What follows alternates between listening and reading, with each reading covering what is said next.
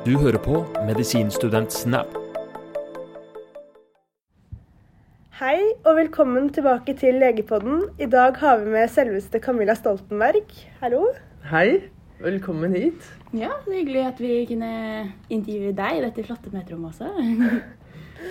Så Camilla, du er jo direktør for Folkehelseinstituttet, men du er også lege. Det er jeg. Så nå skal jeg gå tilbake til starten av eh, hva kan man si, karrieren din, eller hva kan man si, ja, eh, før du starta på medisin. Hvorfor valgte du å studere medisin og bli lege?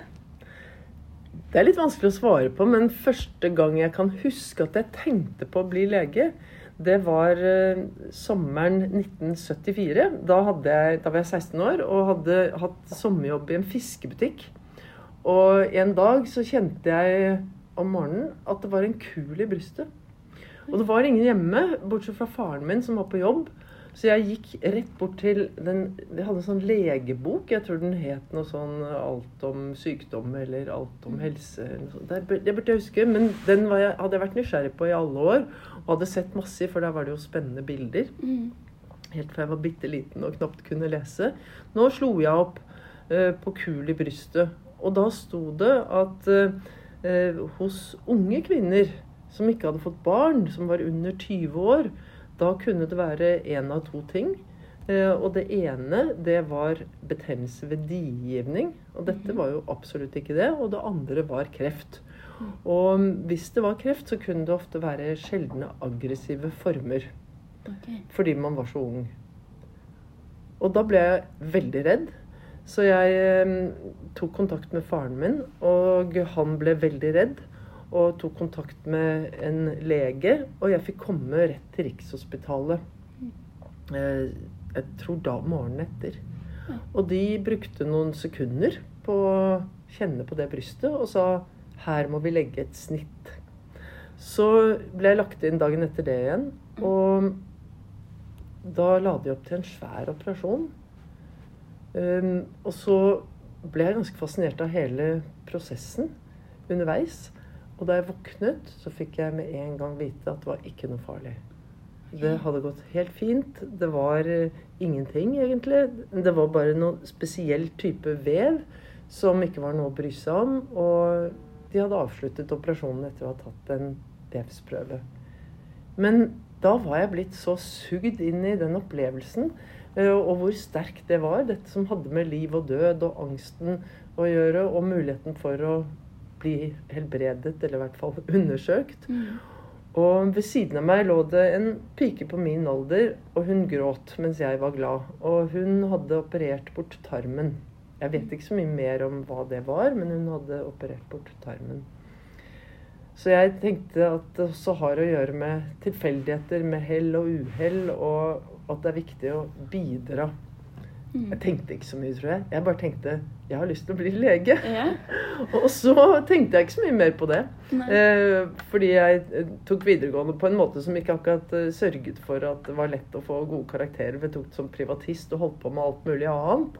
Men så, etter at jeg var ferdig, så var jeg eh, igjen ute på jakt etter sommerjobb før jeg skulle begynne å studere. Og da jeg fått, fikk jeg sommerjobb på Vår Frue Hospital, som ble drevet av nonner den gangen. Eh, Og på Vår Frue Hospital hadde de mange slags avdelinger. En avdeling var fødeavdeling. Men jeg fikk jobb i resepsjonen i en liten boks ute i bak, bakgården, der nonnene skulle gå forbi når de skulle på jobb. Så jeg hadde egentlig ingenting å gjøre. Jeg fikk sitte inne i den brune lille boksen med vinduer, og nesten som en sånn liten kiosk, og bare følge med og lese bøker. Og jeg hadde med meg en hel haug med bøker som jeg da tenkte at nå får jeg fred til å lese alle disse bøkene som jeg er opptatt av. Men allerede en av de aller første dagene jeg satt inne i den boksen, kanskje den første dagen til og med, det husker jeg ikke helt, jeg satt, ble ikke sittende lenge der, så kom det en jordmor og sa at i dag er det sankthansaften, og vi er altfor få folk på jobb. Kunne du tenke deg å være med på fødeavdelingen, for vi har så mange fødsler på gang. Så fikk jeg bli med opp og være med på den fødselen. Og um, jeg husker at faren rakk ikke fram til fødselen, for han var på fotballkamp. Så de hadde ikke fått tak i ham. Det var ikke noen mobiltelefon, ikke så du kunne ikke få gitt beskjed. Og den hadde kommet i gang litt tidlig. Så det var bare jordmoren og meg og den fødende kvinnen. Og det gjorde et utrolig sterkt inntrykk på meg. Og så sa de 'vil du jobbe her videre?' Og så, så sa jeg ja, det vil jeg, for da tenkte jeg da får jeg poeng til medisinstudiet. Så da begynte jeg å tenke på det. Mm. Litt mer alvorlig. Nei, da var jeg jo eh, 19 ja. da jeg begynte å tenke på det. Men så var jeg veldig i tvil, for jeg hadde lyst til alt mulig annet også. Mm. Så da jobbet jeg et år der, og så tok jeg sosiologi, for jeg hadde også lyst til å studere samfunnsfag. Men underveis i det året jeg holdt på med sosiologi, så ble jeg egentlig ganske sikker på at jeg ville søke på medisin. Men jeg søkte samtidig jobb i en friteatergruppe i Porsgrunn som heter Grenland Friteater. Og eh, der fikk jeg jobb. Eh, Og bare noen dager senere fikk jeg vite at jeg kom inn på medisin. Så da ble jeg helt fortvilt og, og usikker på hva jeg skulle gjøre. Men foreldrene mine og han som var kjæresten min den gangen, de var helt sikre på hva jeg skulle gjøre. Så de feiret at jeg hadde kommet inn på medisin. Og, og eh, håpet at jeg da ville ta det valget. Og det gjorde jeg.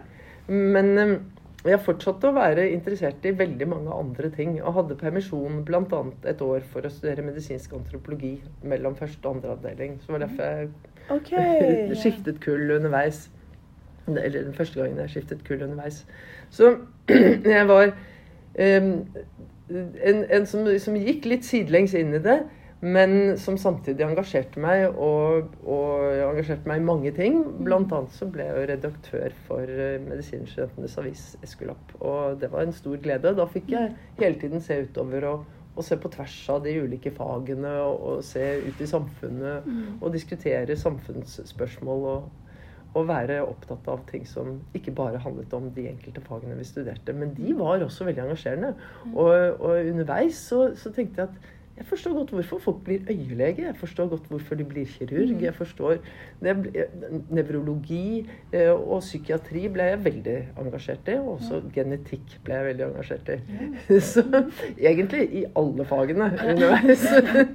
Men men for meg som var såpass bredt eh, engasjert, og som syntes det var vanskelig å ta et endelig valg, så var det et strålende studium. Ja.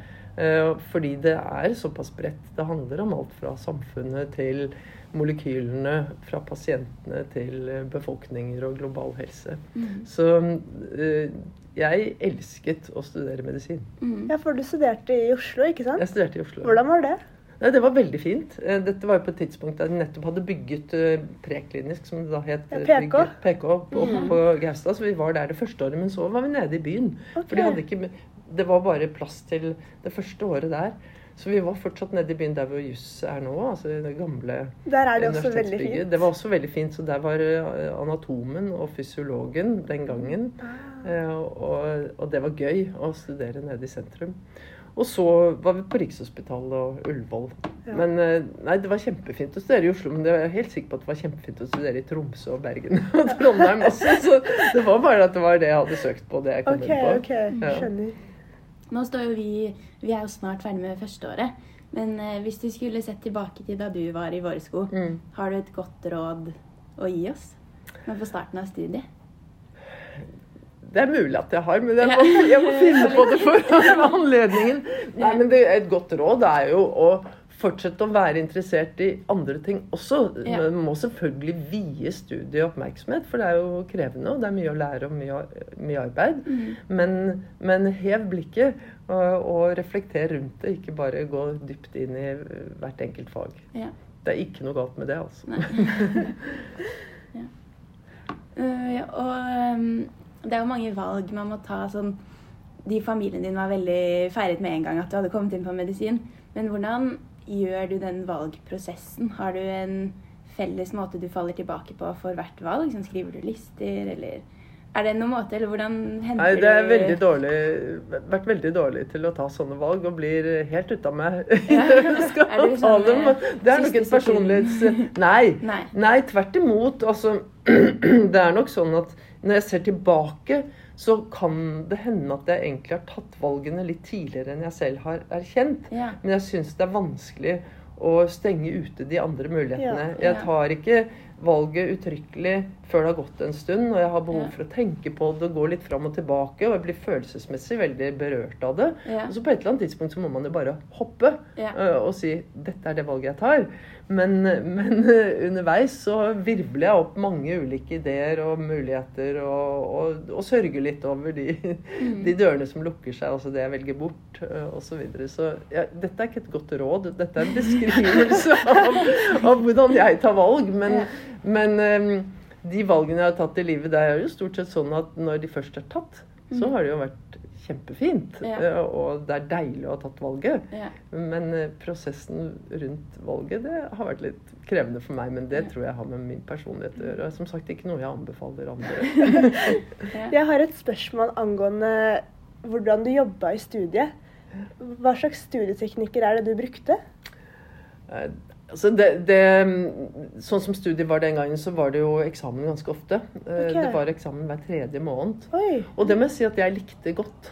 For det betød at man fikk liksom eh, jobbet intensivt. Det liker jeg godt. Jeg liker godt å liksom engasjere meg sterkt. Mm. Så det var jo en slags eh, sånn svingning hvor det litt, var litt rolig noen uker, og så tetnet det seg til, og det ble mer arbeid, og så ble det veldig intenst fram mot eksamen.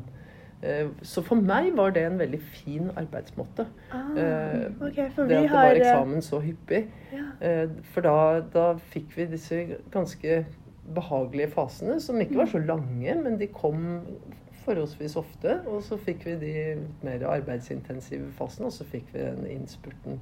Og jeg har alltid likt innspurten veldig godt, men det forutsetter jo at du har jobbet før også, for at det ikke skal bli grusomt. Nei, for vi har jo en siste eksamen nå i juni, og så har Mm. ikke vi eksamen frem til april neste år, som er fysiologi og Ja. anatomi. Ja. Så det er jo veldig stor pause mellom Ja. siste eksamen første året og Ja. første eksamen andre året.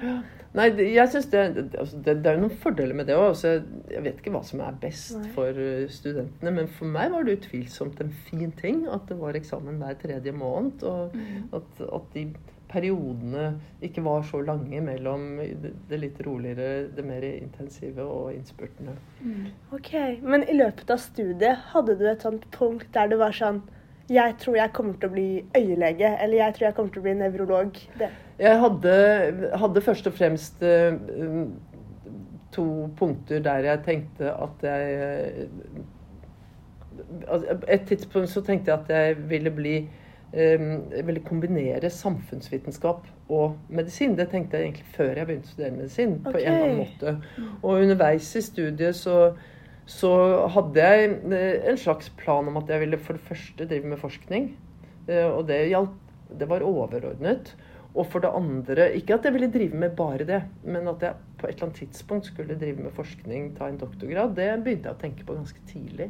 Og, eh, og så tenkte jeg på mange fag, men de fagene som jeg nok sirklet meg inn mot underveis, var i stor grad psykiatri og genetikk. Og jeg har ikke blitt noen av delene. Men det jeg har jeg, det er jo å kombinere samfunnsvitenskap og medisin. eh, Og og også helsefaglig kunnskap og forskning. Hva er det forskning. doktorgraden din eh, Den er i epidemiologi, Ok. eh, og den er basert på kobling av registerdata. Og den handler om eh, Eller først så skulle den handle om eh, hvordan går det med folk som har innvandret til Norge, og som får barn i Norge. Hvordan er dødeligheten blant barna, altså spedbarnsdødeligheten, dødeligheten i første leveår, og eh, antallet eller andelen med medfødte misdannelser. Og dette er jo lenge siden. Eh, Dette var jo data som eh, var fra 1967 fra Medisinsk fødselsregister og fram til litt utpå 90-tallet. I praksis så ble det sånn ca. 95. Eh, Så det var jo langt færre i Norge som hadde innvandret selv og fikk barn i Norge enn det det er nå.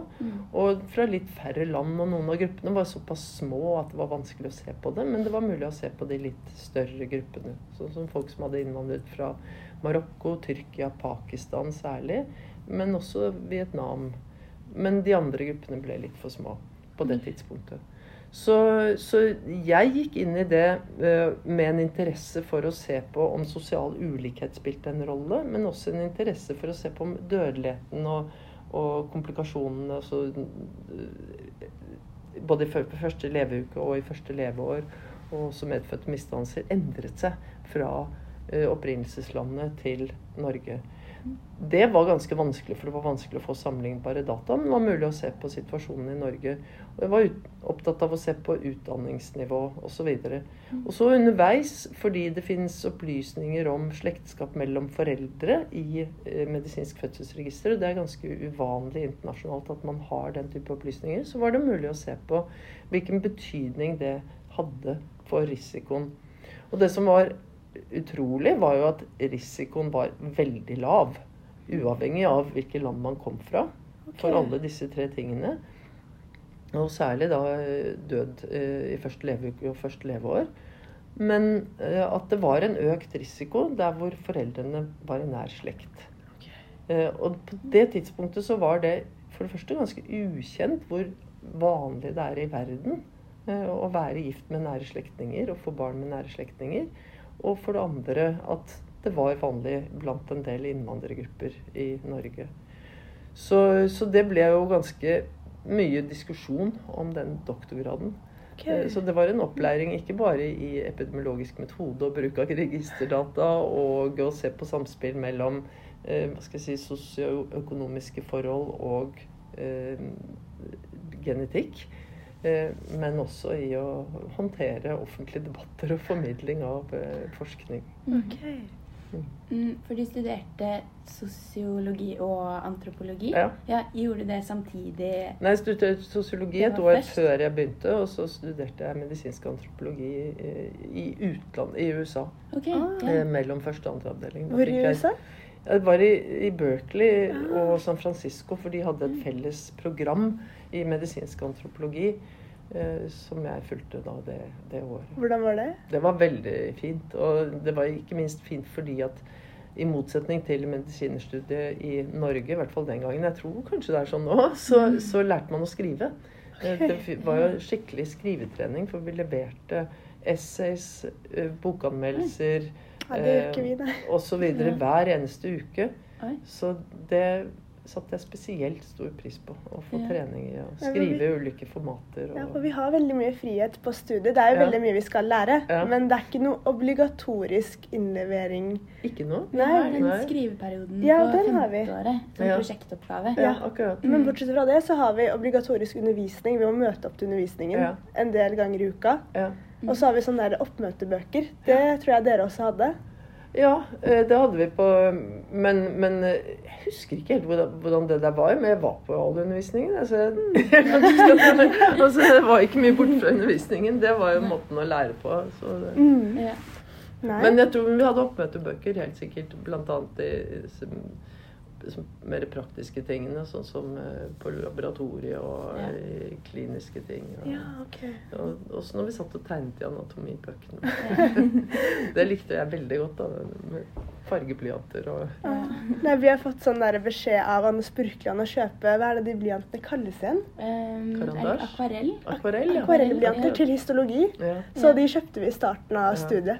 Mm. Nei, jeg, jeg eh, har alltid vært veldig glad i å tegne. Jeg tegner ikke så mye lenger nå, men, men jeg syns jo det å få sitte der og tegne på en anatomisal, det var veldig, veldig fint. Mm, For vi har jo fått høre at uh, for lenge siden, i hvert fall Ja. da Anne Spurkland også var student Ja, med ja. meg, så skulle man ha loddtrekning når man skulle finne ut av hvor man skulle ha turnus. Det er riktig. Jeg vet, vil du si litt noe om hvordan Ja. det var for deg? Ja, det kan jeg godt. For jeg hadde bestemt meg for at jeg gjerne ville til Nord-Norge. OK. Og aller helst til Sandnessjøen. ok. Og jeg trakk ikke sånn, jeg trakk sånn middels bra lodd, men i hvert fall så var det mange plasser igjen eh, på Østlandet og sørpå. Men det var ledig i Sandnessjøen, i Alstahaug kommune og, og på Sandnessjøen sykehus. Og, og jeg valgte det. Og det var jo sånn at det var noen som kom og takket meg for at jeg valgte det, for da ble det en ekstra ledig plass. Eh, Da ble ikke de plassene som kanskje var mest populære, da, brukt opp. Mm. Eh, Men jeg ja, tok det rette valget. Hvordan var opplevelsen der? ja, det var en utrolig fin tid. Og både faglig og menneskelig og for familien. Vi hadde barn eh, allerede da. Så mm, det var så fint. Mm. Jeg syns det er eh, synd at eh, det ikke er slik at man eh, er nødt til å komme seg ut i landet og, og jobbe andre steder i forbindelse med turnus lenger. At så Mm. mange eh, vil være og, og får plass på sentrale sykehus. Det er, eh, og, og, og kommuner også. Ja. Så det, det var en fantastisk tid. Hvorfor ville du akkurat dit? Jeg eh, visste at det var veldig fint der. Jeg hadde ikke vært der. Eh, men jeg visste at det var veldig fint der. Så hadde jeg venner som hadde dratt dit i turnus og blitt der. Eh, og jeg kjente også folk som var derfra, som jobbet på sykehuset. Ja. Men er mannen din også lege? Nei, det er han ikke. Okay. Han er, eh, han er eh, ja, fotograf og arkitekt. Ah. Men først og fremst arkitekt. Da. Men han, han var med dit, men så søkte han Da var han fotograf, men så søkte han på Arkitekthøgskolen og kom inn, og da flyttet han egentlig. Så du er den eneste legen i familien? Ja, det er jeg. Ja. Så får du ofte sånne legespørsmål. Nei, ikke så mye lenger nå. De, jeg tror de skjønner at jeg ikke har holdt på med pasienter på en stund. Så det har dabbet veldig av. Men jeg får noen. Det er hyggelig, men da må jeg, jeg, jeg stoler ikke helt på meg selv lenger. Så jeg må slå opp at det jeg tror fortsatt gjelder. At jeg husker riktig. Eller om det kan ha kommet til noen ny kunnskap. Og det har det ofte, heldigvis. Men har du noen bemerkelsesverdige historier fra turnusperioden? For ofte så har jeg hørt helt sinnssyke historier fra den tiden. Ja, altså sinnssyke Det vet jeg ikke. Men det, er, det, det, det var Det var jo Det er jo eh, en eh, kommune som samarbeidet med Altså Alstahaug kommune, som eh, Sandnessjøen ligger i, som samarbeidet med andre kommuner omkring for å, å dekke legevaktstjenestene. Så når jeg kjørte legevakt, så var det jo ofte å være ute i båt. Og den gangen det var rett før det eksploderte med, med mobilteknologi. Men vi hadde altså en mobiltelefon som så ut som et sånt, sånt stort bilbatteri omtrent. En gammeldags bilbatteri. Og, og eh, den måtte vi frakte med oss i tillegg til legekofferten. Og mye av tiden eh, når jeg kjørte legevakt, tilbrakte jeg jo i båt eh, rundt på øyene i området der. Og da var vi ofte uten mobilkontakt. De visste riktignok hvilken båt jeg var på, så de kunne nå båten hvis det var mye om å gjøre. Men stort sett måtte pasientene da vente til jeg var tilbake et sted hvor det var kontakt. Eh, Og det kunne være timevis, og ofte nokså uforutsigbart. Men de båtturene ut om natten om vinteren, men også i lyset om natten om sommeren, mm. de kommer jeg aldri til å glemme. Og heller ikke de som jobbet i ambulansetjenesten eh, på båtene, eh, og som sørget for at det var mulig å gjøre jobben. For på en del av øyene var det ikke eh, bilvei, så hvis noen skulle på sykehus f.eks., så måtte vi bære dem på båre ned til båten og få dem eh, over til eh, fastland. Har du hatt noen forbilder eh, underveis? Som leger Eh, ja, leger og tidligere i livet og Oi! Mm. Har du noen store, klare forbilder? Det det er litt vanskelig å svare på, fordi at jeg tenkte ofte ikke på folk som forbilder Nei. den gangen, men i ettertid så tenker jeg at de har vært inspirasjonskilder. ja. Og én ting jeg har tenkt på det, det I ettertid var liksom, hvor, hvor kom det fra det at jeg ville studere medisin? For det var jo ingen leger i min familie. Mm. Eh, Og, og det hadde vært mange andre ting som hadde vært akkurat like naturlig Mm. eh, å studere. Det var helt åpenbart for meg at jeg ville studere. Det var Ja. det. Så det, det stilte jeg ikke spørsmål ved. Men, eh, men hva? Det var ikke så klart. Nei. Og eh, jeg husker at jeg som barn leste Eliteserien. Jeg vet ikke om den fins lenger. Det var, sånn, det var noen sånne bøker som De var ganske dårlige bøker, men de gjorde sterkt inntrykk på meg. Jeg leste alt jeg kunne komme over i Eliteserien, okay. eller historien om. Og det er særlig to som jeg har tenkt på i ettertid kan ha hatt en betydning for, for hva jeg gjorde. Og det ene er eh, om Marie Curie. Mm. Hun var jo ikke lege, men eh, hun eh, fikk doktorgrad i kjemi, var det vel. Og um, var bl.a. med på å oppdage eh, hvordan man kunne benytte røntgenstråling. Mm. Så hun hadde en stor betydning for eh, medisinens utvikling. Hun var opprinnelig polsk, men flyttet til Paris, og, og det var der hun arbeidet som forsker.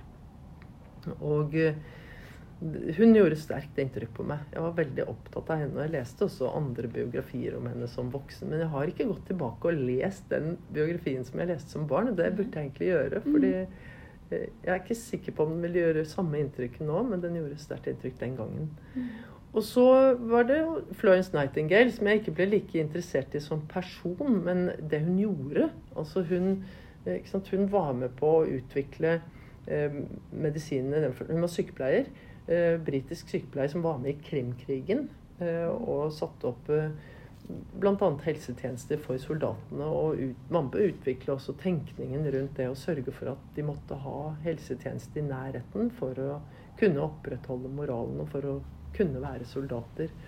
Men hun utviklet jo også en del av arbeidet med å undersøke statistisk, registrere pasienter, hvordan det gikk med dem osv. Så, videre. så det at hun reiste ut, det at hun jobbet både med de enkelte pasientene, men også med hva skal jeg si, systemet rundt det og kunnskapene rundt det, det gjorde inntrykk. Eh, Så det er de to jeg kan komme på i farten. Men så var det jo andre, sånn som, sånn som moren min, som heller ikke var lege, men som hadde tenkt på å bli det, og som studerte genetikk i Canada da hun var eh, ja, fra hun var ca. 20 til hun var 25. Men så dro hun tilbake til Norge igjen og giftet seg og fikk to barn. og, og og ga opp genetikken. Og for henne var det for alltid veldig sårt. Eh, Det var hun lei seg for. Men hun fikk ikke det til, så hun ble statsviter.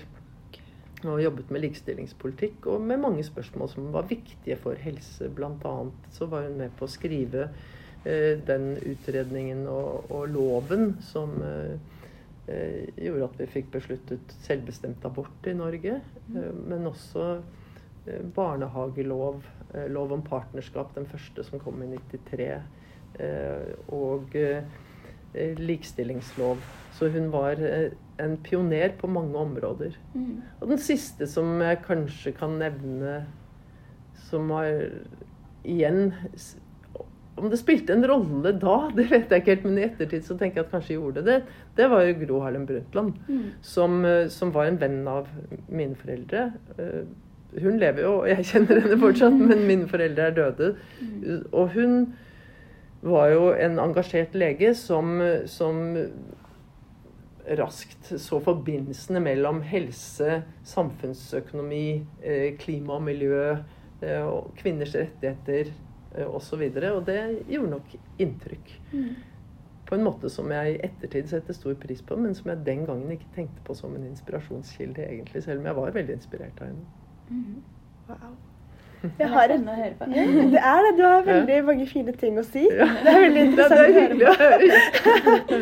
Men du sa jo at eh, du også kunne blitt mye annet. Så jeg lurer på Broren din, Jens Stoltenberg, tror du han vurderte medisin på et eller annet tidspunkt i livet? Nei, det tror jeg ikke i det Det hele tatt. Jeg tror at for ham så var det ganske tidlig klart at han ville bli samfunnsøkonom. OK. Uh, Og, og det begynte han jo å studere med en gang han var ferdig med militærtjeneste. ok. Uh, Og jeg kan ikke huske at han hadde noen kvaler rundt det. Han hadde kvaler rundt en del andre ting når det gjaldt hvilken jobb han skulle ta på ulike tidspunkt og sånn, men, men uh, og, og kan, kan nok ha forholdt seg til å ta den type valg litt på samme måte som meg, for det har jo ofte vært hva skal jeg si, eh, luksusvalg i den forstand man velger mellom to ting som man har lyst på. Ja. Eh, men, men, eh, men jeg kan ikke huske at han var noe i tvil om studiet. Men det må nesten spørre ham om, og ikke meg. Og jeg tror i hvert fall ikke at han vurderte å studere medisin. OK, ok, greit. Men hva gjorde du etter eh, turnusperioden din? Nei, da eh, var det en ny periode med en del eh, Hva skal jeg si søking. Da, da hadde jeg eh, Jeg var gravid med det andre barnet da vi kom hjem fra turnus. Og eh, det, det gjorde også at jeg hadde Og mannen min studerte og hadde ikke studielån, for han hadde studert før i utlandet. Og, så det var viktig å komme i arbeid fort akkurat da. Og da fikk jeg jobb som assistentlege på Rikshospitalet på en endokrinologisk seksjon, som det het den gangen, som var en del av medisinsk avdeling. Og eh, det var kjempespennende. Da hadde vi jo bl.a. kontakt med alle som var transoperert i Norge på det tidspunktet, så jeg ble kjent med dem. Og det var en utrolig fin ting som jeg lærte mye av. Men jeg hadde også kontakt med nesten alle i Norge som var operert i, hypofysen, eller som hadde vært gjennom behandling for eh, ja, svulster i hypofysen. Eh, Så jeg lærte mye om det. Og så begynte jeg tidlig, eh, og egentlig før jeg fikk den jobben allerede, å å se etter forskningsprosjekter som jeg ville gjennomføre for å ta en doktorgrad. Og det var ikke så eh, Det var i ferd med å bli litt mer orden på doktorgradsutdanningen. Sånn som nå, så er det jo et løp. Men da var det mer kaotisk. Det var sånn Du måtte bli kjent med enkeltpersoner, og noen måtte ville gi deg eh, en jobb. Det var, det var mye mer rotete. Det fine med det var jo at det var mange som kom med tilbud. Og eh, fordi jeg var litt ubesluttsom når det gjaldt akkurat hva det var jeg ville satse på, så var jeg innom mange interessante mennesker og snakket med dem om deres prosjekter og hva de drev med. Og det var jo bl.a. Eh, en som eh, var interessert i genetiske forhold ved schizofreni. Den gang var det nokså uvanlig å være opptatt av fortsatt. Eh, som ja, vurderte. Men hvor det virket som det var et veldig utydelig løp. Altså han sa ja, det kan ta seks år, det kan ta ti år. Det virket som en uendelighet av tid. Jeg ville at det skulle gå fortere enn det, og, og virke litt mer fasttømret, det opplegget jeg skulle inn i. Og så fikk jeg et tilbud faktisk der Anders Birkeland var. eh, Og det var et veldig spennende prosjekt som, hadde, som var det prosjektet jeg vurderte eh, å ta, og var på nippet til å ta. Men sannheten var at da var det fortsatt ganske sterkt laboratoriebasert. Og jeg var, så, jeg var veldig interessert i det teoretiske eh, knyttet til um, immunologi og genetiske mekanismer. Og dette var jo da egentlig i forhold til uh, cøliaki. Eh, men samtidig så, så var jeg ikke så interessert i den lidelsen, og jeg var ikke så interessert i å stå på laboratoriet. Så, men jeg var, var imponert over prosjektet. Jeg var imponert over eh, hva skal jeg si, systemet de hadde for å, for å få folk gjennom en doktorgrad på Institutt for transplantasjonsimmunologi. Det var Ludvig Solid som skulle lede det prosjektet. Og som jeg også likte veldig godt. Men så tenkte jeg det jeg selv har drevet med, kanskje jeg bør lage noe ut av det. Lage et eget prosjekt. Og så hadde jeg en samtale med han som var min sjef den gangen, Jack Jervel, som var professor på Rikshospitalet og sjefen på endokrinologisk seksjon. Vi tok følge til jobben en morgen, husker jeg. Så satte vi oss ned på en benk i Slottsparken, for jeg var så i tvil om hva jeg skulle satse på. Og så sa han ja, du kan jo velge å gå måtte, den opptrukne landeveien, eller så kan du velge å gå inn i det ukjente, inn i jungelen, og da risikerer du å gå deg vill, men du kommer til å få det til. Du kommer til å finne veien fram, det er jeg ganske sikker på. Og så tok jeg sjansen på det. Jeg angret en del ganger underveis, det må jeg bare innrømme. For det var mye, mange blindspor, og det var mye rot eh, de første årene med den doktorgraden. For da begynte jeg først å skulle se på for å følge opp altså Aller først så prøvde jeg å følge opp et prosjekt for å se på særlig depresjon blant eh, innvandrerkvinner i Norge fra først og fremst de som hadde innvandret fra Pakistan. Eh, Det ble veldig vanskelig. Eh, Det hadde jeg egentlig lagt litt bak meg da jeg studerte, for jeg hadde hatt et litt prosjekt på det som var veldig vanskelig å få tak i data og få orden på det prosjektet. Så det er lagt til side. Så prøvde jeg meg på et prosjekt på å se på svangerskapsdiabetes i den samme gruppen. Der gjennomførte vi et pilotprosjekt som var utrolig vanskelig, det også. Fordi på det tidspunktet så var det mange av dem, og mennene deres, som Dette var gravide kvinner som da skulle glukosebelastes. Det er en ubehagelig undersøkelse, og vi måtte gjøre den to ganger i løpet av svangerskapet. Og de kom inn bare for å gjøre det hos oss på Rikshospitalet og på Aker sykehus. Og øh, syntes det var utrolig ubehagelig. Og det skjønte etter hvert, var at de tenkte at de mistet det blodet. De, de hadde ikke eller visste ikke at det ble regenerert, og at dette ikke var store mengder, for det ble fordelt mange glass, og det så ut som det var veldig mye, men det var ikke så mye. Men det gjorde at de ville ikke komme tilbake. Så da fant jeg ut at det prosjektet var ikke mulig, men det hadde jeg brukt et helt år på å se på. Og det var jo egentlig en interessant problemstilling. Men, eh, men det gikk heller ikke videre. Og da begynte jeg å bli motløs. Og så ble jeg hyret inn fordi da hadde jeg lært meg litt statistikk i mellomtiden, som jeg syntes var gøy å drive med. Så jeg ble hyret inn av Fafo, for, som heter Institutt for samfunnsforskning.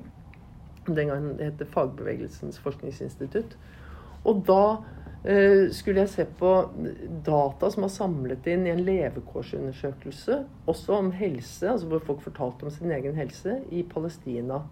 Og så skulle jeg jobbe der bare noen uker og gjøre statistiske analyser, men det endte opp med at jeg jobbet der i nesten et år. Mm. Og, og så, spurte, så tenkte jeg må kanskje pense dette inn på noe som kan bli en doktorgrad. Så da begynte jeg å planlegge, skissere en doktorgrad hvor vi kunne se på uh, psykiske lidelser hos palestinere i Gaza. Uh, og det var veldig spennende, men også ganske vanskelig å faktisk gjøre. Og så, så begynte jeg å bli skikkelig motløs. Men da, da, formulerte jeg dette prosjektet, som til slutt ble doktorgradsprosjektet mitt. Eh, og hvor jeg skulle bruke data som allerede var der, som jeg da tenkte var lett tilgjengelig. For det skulle bare kobles noen data fra SSB og fra Statistisk, sentral, nei, fra Statistisk sentralbyrå, mener jeg, og fra, fra eh, Universitetet i Bergen, eller egentlig ikke Universitetet i Bergen, men fra Medisinsk fødselsregister i Bergen. Mm. Og jeg skulle kunne sitte på det gamle folkehelsa som hospitant. Og så visste at vi fikk jo ikke de dataene. Det tok evigheter.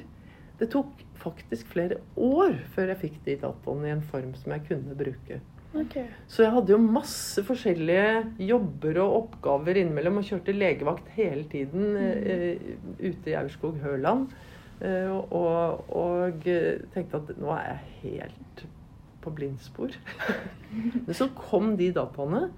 Og igjen, på det tidspunktet var det uvanlig å ha koblet så mange typer ulike data. Og det var ingen i verden som hadde så gode data om ulike innvandrergrupper. Og om medfødte misdannelser, dødfødsel og spedbarnsdød. Og om eh, utdanningsnivå og inntekt og sånn som jeg ikke brukte, men, men i hvert fall mange andre opplysninger.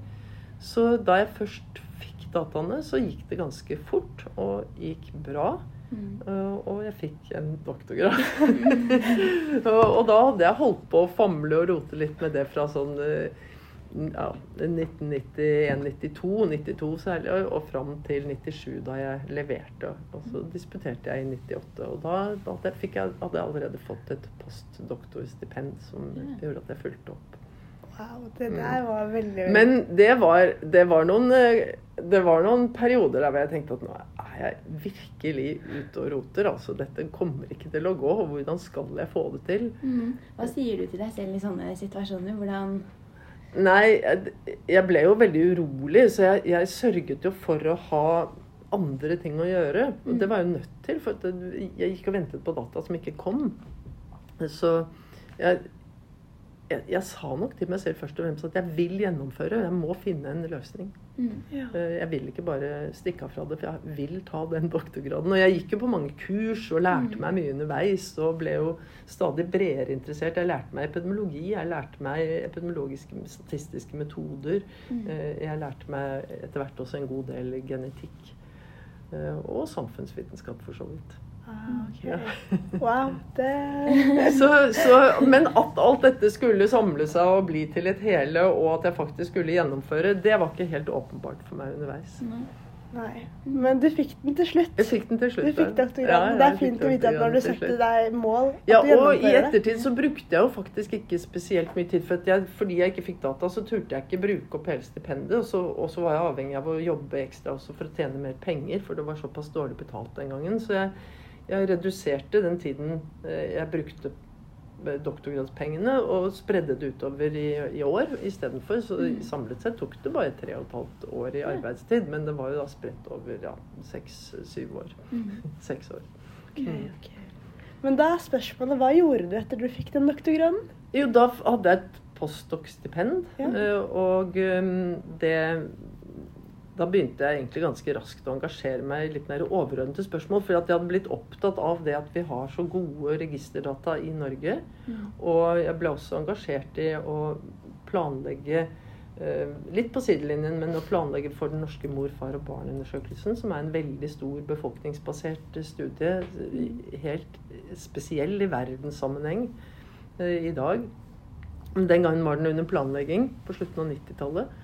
Og, eh, og også å samle biologisk materiale fra de deltakerne i den studien og i andre studier som kunne lagres, og som kunne brukes til mange typer analyser, også analyser som vi ikke har tenkt på. Så jeg ble engasjert i, i helseregisteret, i eh, store kohort befolkningsbaserte helseundersøkelser som kan svare på mange spørsmål som det ikke er mulig å svare på ved hjelp av andre typer data.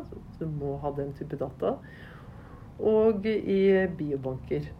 Eh, jeg begynte å jobbe med de overordnede spørsmålene som handlet om Eh, kilder til kunnskap, data og eh, hva skal jeg si, systemer for kunnskap og forskning. Og engasjere meg i det. Det, det bunnet jo delvis i at jeg var frustrert over at jeg selv hadde måttet vente så lenge på data. Når dataene var der allerede, og når Stortinget hadde bestemt at de skulle brukes til denne type formål, og når spørsmålene var påtrengende. Man trengte å vite dette for å tilrettelegge, for, forebygge, behandle, gi tilbud i tjenestene, men også for å forstå samfunnsmessige mekanismer.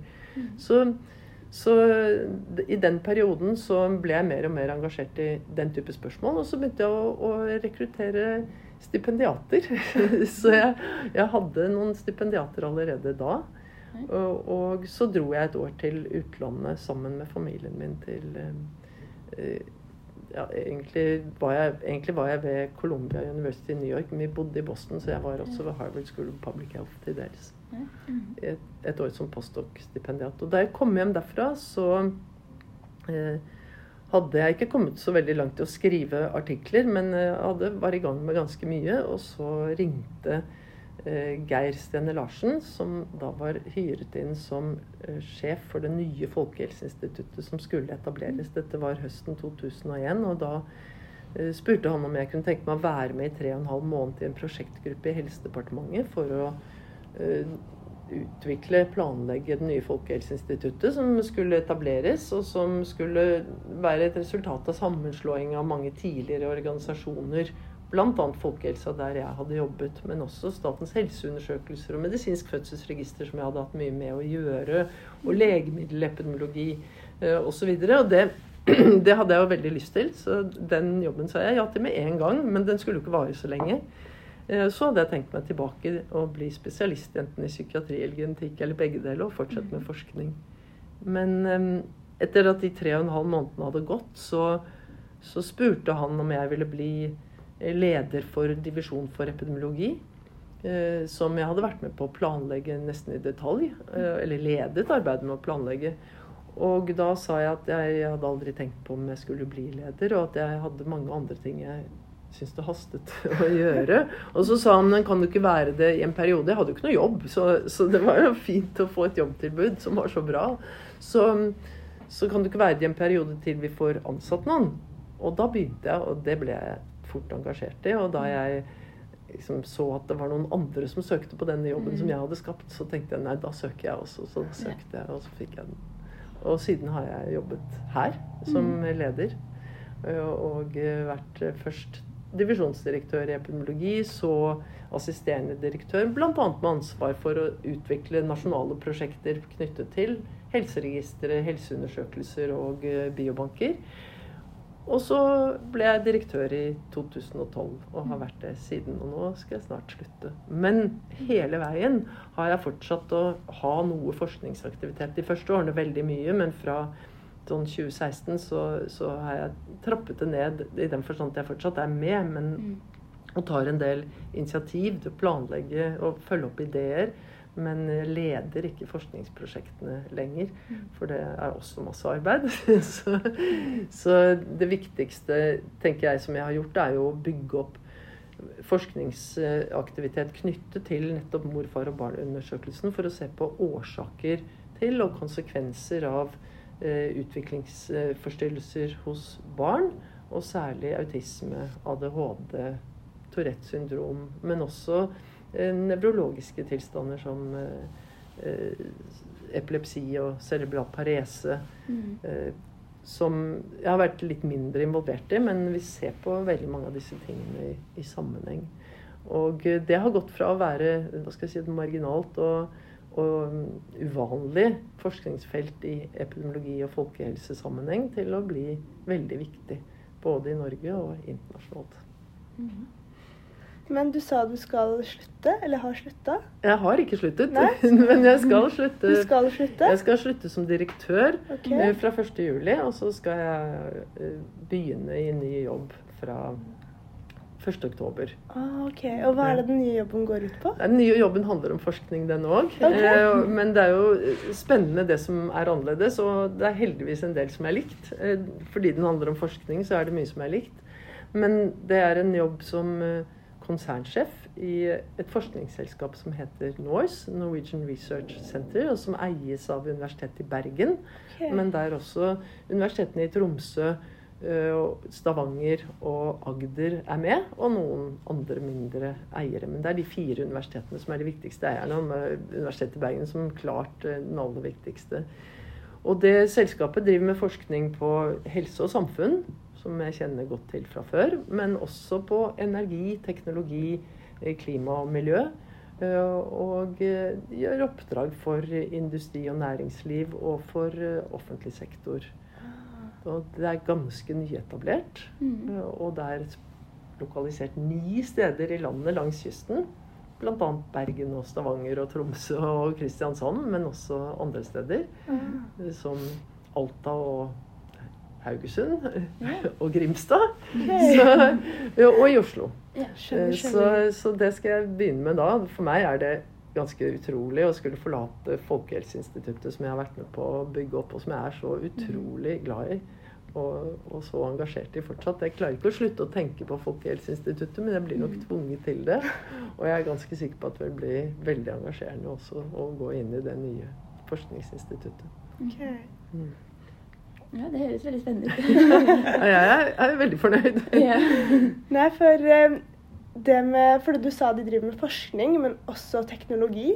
Ja, altså Forskning på teknologi, da. Forskning på Men teknologi. også utvikling av teknologier. Du kan si eh, de, Norse eier bl.a. en borerigg som Ok. eh, er sånn som borer rett ned, og så til siden. Og det, da det ble funnet opp, så var jo det en stor nyvinning, for da kunne man utnytte olje- og gassfeltene bedre. Okay. Den boreriggen den brukes nå i forskningsøyemed altså for å teste ut hvordan kan man lagre CO2 okay. eh, på land. Eh, og, eller også under vann. Så, så der, der kan man eh, bruke det eh, som tidligere ble utviklet som teknologi, til å utvikle nye anvendelser. Og det krever jo forskning og utprøving. Ok. Eh, så, så det er eh, det er en, det er bare ett eksempel. Ok, Skjønner, Ja. skjønner. Nei, skal vi si oss ferdig? ja, hvor lenge har vi, vi har kanskje holdt på? Jeg har et siste spørsmål på Ja. Um, hva gjør du Det er jo mye Du er jo, har mye å styre med og mye spennende som skjer, men når du skal koble av, hva, hva gjør du for å koble av? Jeg er sammen med familien min, og jeg er ute i skogen. Og hvis jeg kan, så elsker jeg å svømme. Og, og eh, er mest sykle, svømme, være sammen med familien, gå tur. Mm. Være sammen med venner på tur, gjerne. Mm. Og eh, å lese er jeg veldig glad i, og det har jeg fått gjort altfor lite de senere årene. Så det har jeg tenkt at jeg skal gjøre nå i sommer. Mm. For da skal jeg ha fri. Ordentlig fri. Det har jo ikke vært så mye fri nå pga. pandemi. Nei. Og før det var det ikke så mye fri, fordi da ledet jeg arbeidet med et utvalg som så på kjønnsforskjeller i skoleprestasjoner og Ja. i, i utdanning. Eh, og eh, så har jeg lett for å begynne å tenke på ting som ikke er jobben min i den forstand at jeg må gjøre det, men Mm. eh, i den forstand at jeg engasjerer meg i det. Og akkurat nå så prøver jeg å finne ut av om det er mulig å forebygge ADHD ved hjelp av samfunnsmessige tiltak. F.eks. Ok. hvis man legger opp til en annen type skole, vil man da kunne forebygge ADHD. Mm. Svaret på det det tror jeg ikke jeg finner, men jeg kan prøve å stille spørsmålet på en god måte, slik at vi kan finne ut hvordan vi kan finne ut av det. Det er inspirerende. Ja. ja. Nei, det, tusen takk for at du ville stille opp til intervjuet. Vi er veldig takknemlige. Og jeg vil bare si at du har gjort kjempemye interessant. Det var veldig gøy å høre på deg. Tusen takk. Det var veldig gøy å få lov å snakke om disse tingene til dere. Eh, Og lykke til til dere som er medisinerstudenter. Dere er heldige som har et så spennende studium og så mange muligheter i arbeidslivet og livet etter det. Ja. Nei, da sier vi ha det bra, og håper dere likte episoden. Ses neste gang. Du hører på Medisinstudent Snap.